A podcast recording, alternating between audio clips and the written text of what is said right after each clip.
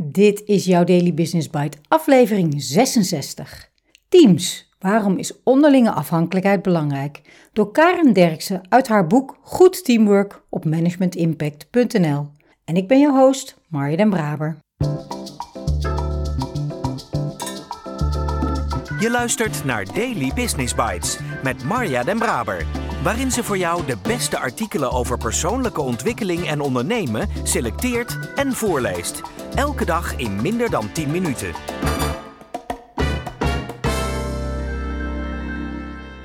Dit is de podcast waar je kunt luisteren naar artikelen van experts op het gebied van ondernemen, leiderschap en persoonlijke ontwikkeling. Elke dag in 10 minuten of minder. Uit de bijna oneindige stroom blogs en artikelen die geschreven worden, pik ik de meest interessante er voor jou uit.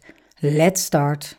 Een team kan niet een team zijn waarin je als team meer en beter presteert dan enkel de optelsom van de individuele teamleden, als er geen onderlinge afhankelijkheid is. Het gebrek aan onderlinge afhankelijkheid brengt een aantal problemen met zich mee. Allereerst voelen de teamleden zich meestal geen team als er geen noodzaak tot samenwerken is. Sterker nog, dan is het werken in een team een ballast en voelt alleen maar als meer werk in plaats van dat het plezier en een beter resultaat oplevert. Organisaties doen dan nog wel eens verwoede pogingen om van die teams toch een team te maken en investeren in teambuilding of teamcoaching. Dat is zonde van de inspanning. Hier komen we opnieuw terug bij een centrale vraag. Kijk kritisch of en waarom het werk in een team moet worden uitgevoerd.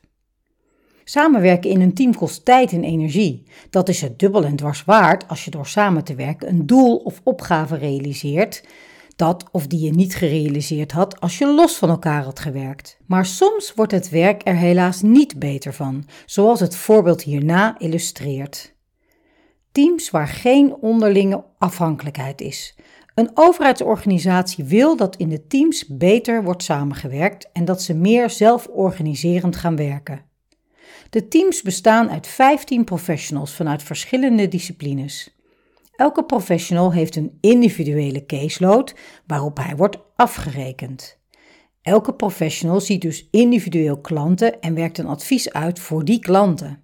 De enige samenwerking in dit team bestaat uit af en toe een collega consulteren bij een klantcase. Als ik met de organisatie in gesprek ben, vraag ik daarom wat het gezamenlijk doel is van elk team.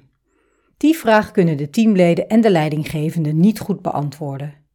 Op de vraag of de teamleden met elkaar moeten samenwerken om goed werk te leveren, is het antwoord dat ieder zijn eigen cliënten heeft en er nauwelijks hoeft te worden samengewerkt. Deze organisatie wilde een teamcoachingstraject, omdat tot op heden de teams niet als teams werkten.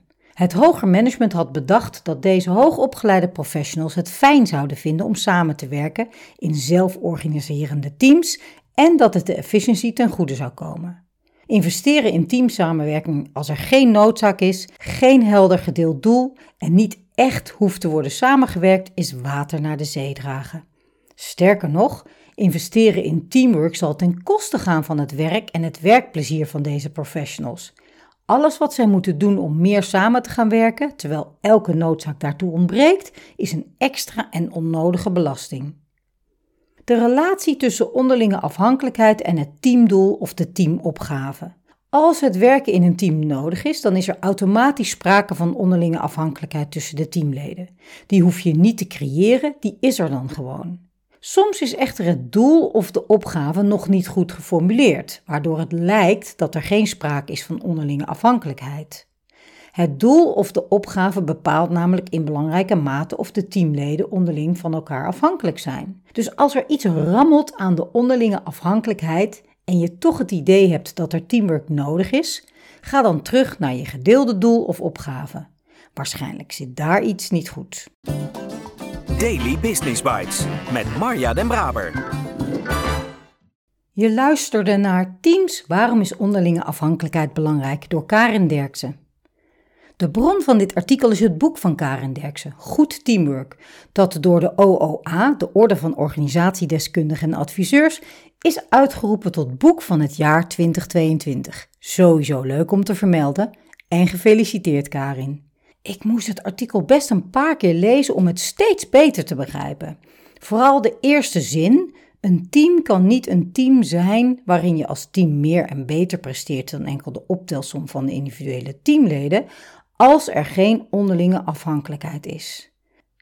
Maar de crux zat voor mij in de zin daarna. Het gebrek aan onderlinge afhankelijkheid brengt een aantal problemen met zich mee. In teams werk ik met de V6 als leidraad. En de bereidheid om afhankelijk te zijn van anderen om het gezamenlijke resultaat te behalen valt onder de V van vertrouwen. Hoe groter het vertrouwen in elkaar, hoe sneller en zeker hoe beter de resultaten zijn. Dat geeft ook Stephen Covey aan in zijn boek The Speed of Trust. Dus ik herken het belang van onderlinge afhankelijkheid in het werken met teams. Maar blijkbaar werk ik dus vaker met teams die wel degelijk een gezamenlijk doel hebben en zien dat ze elkaar nodig hebben. En Karen geeft aan dat je die onderlinge afhankelijkheid hier niet hoeft te creëren, omdat het er dan gewoon is. Dat snap ik.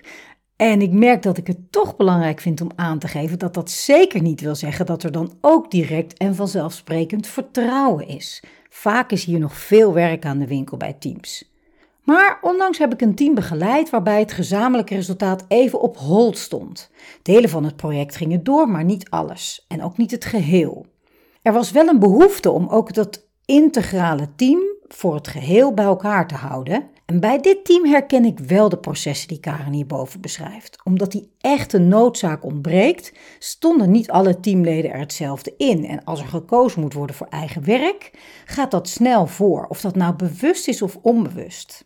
Mooi om met deze kennis dat nog eerder te kunnen herkennen en te kunnen benoemen. Dus meer dan voldoende stof tot nadenken voor vandaag.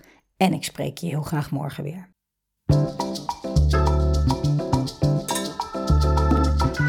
Dit was Daily Business Bites. Wil je vaker voorgelezen worden? Abonneer je dan op de podcast in je favoriete podcast-app. Meer weten? Klik op de links in de show notes.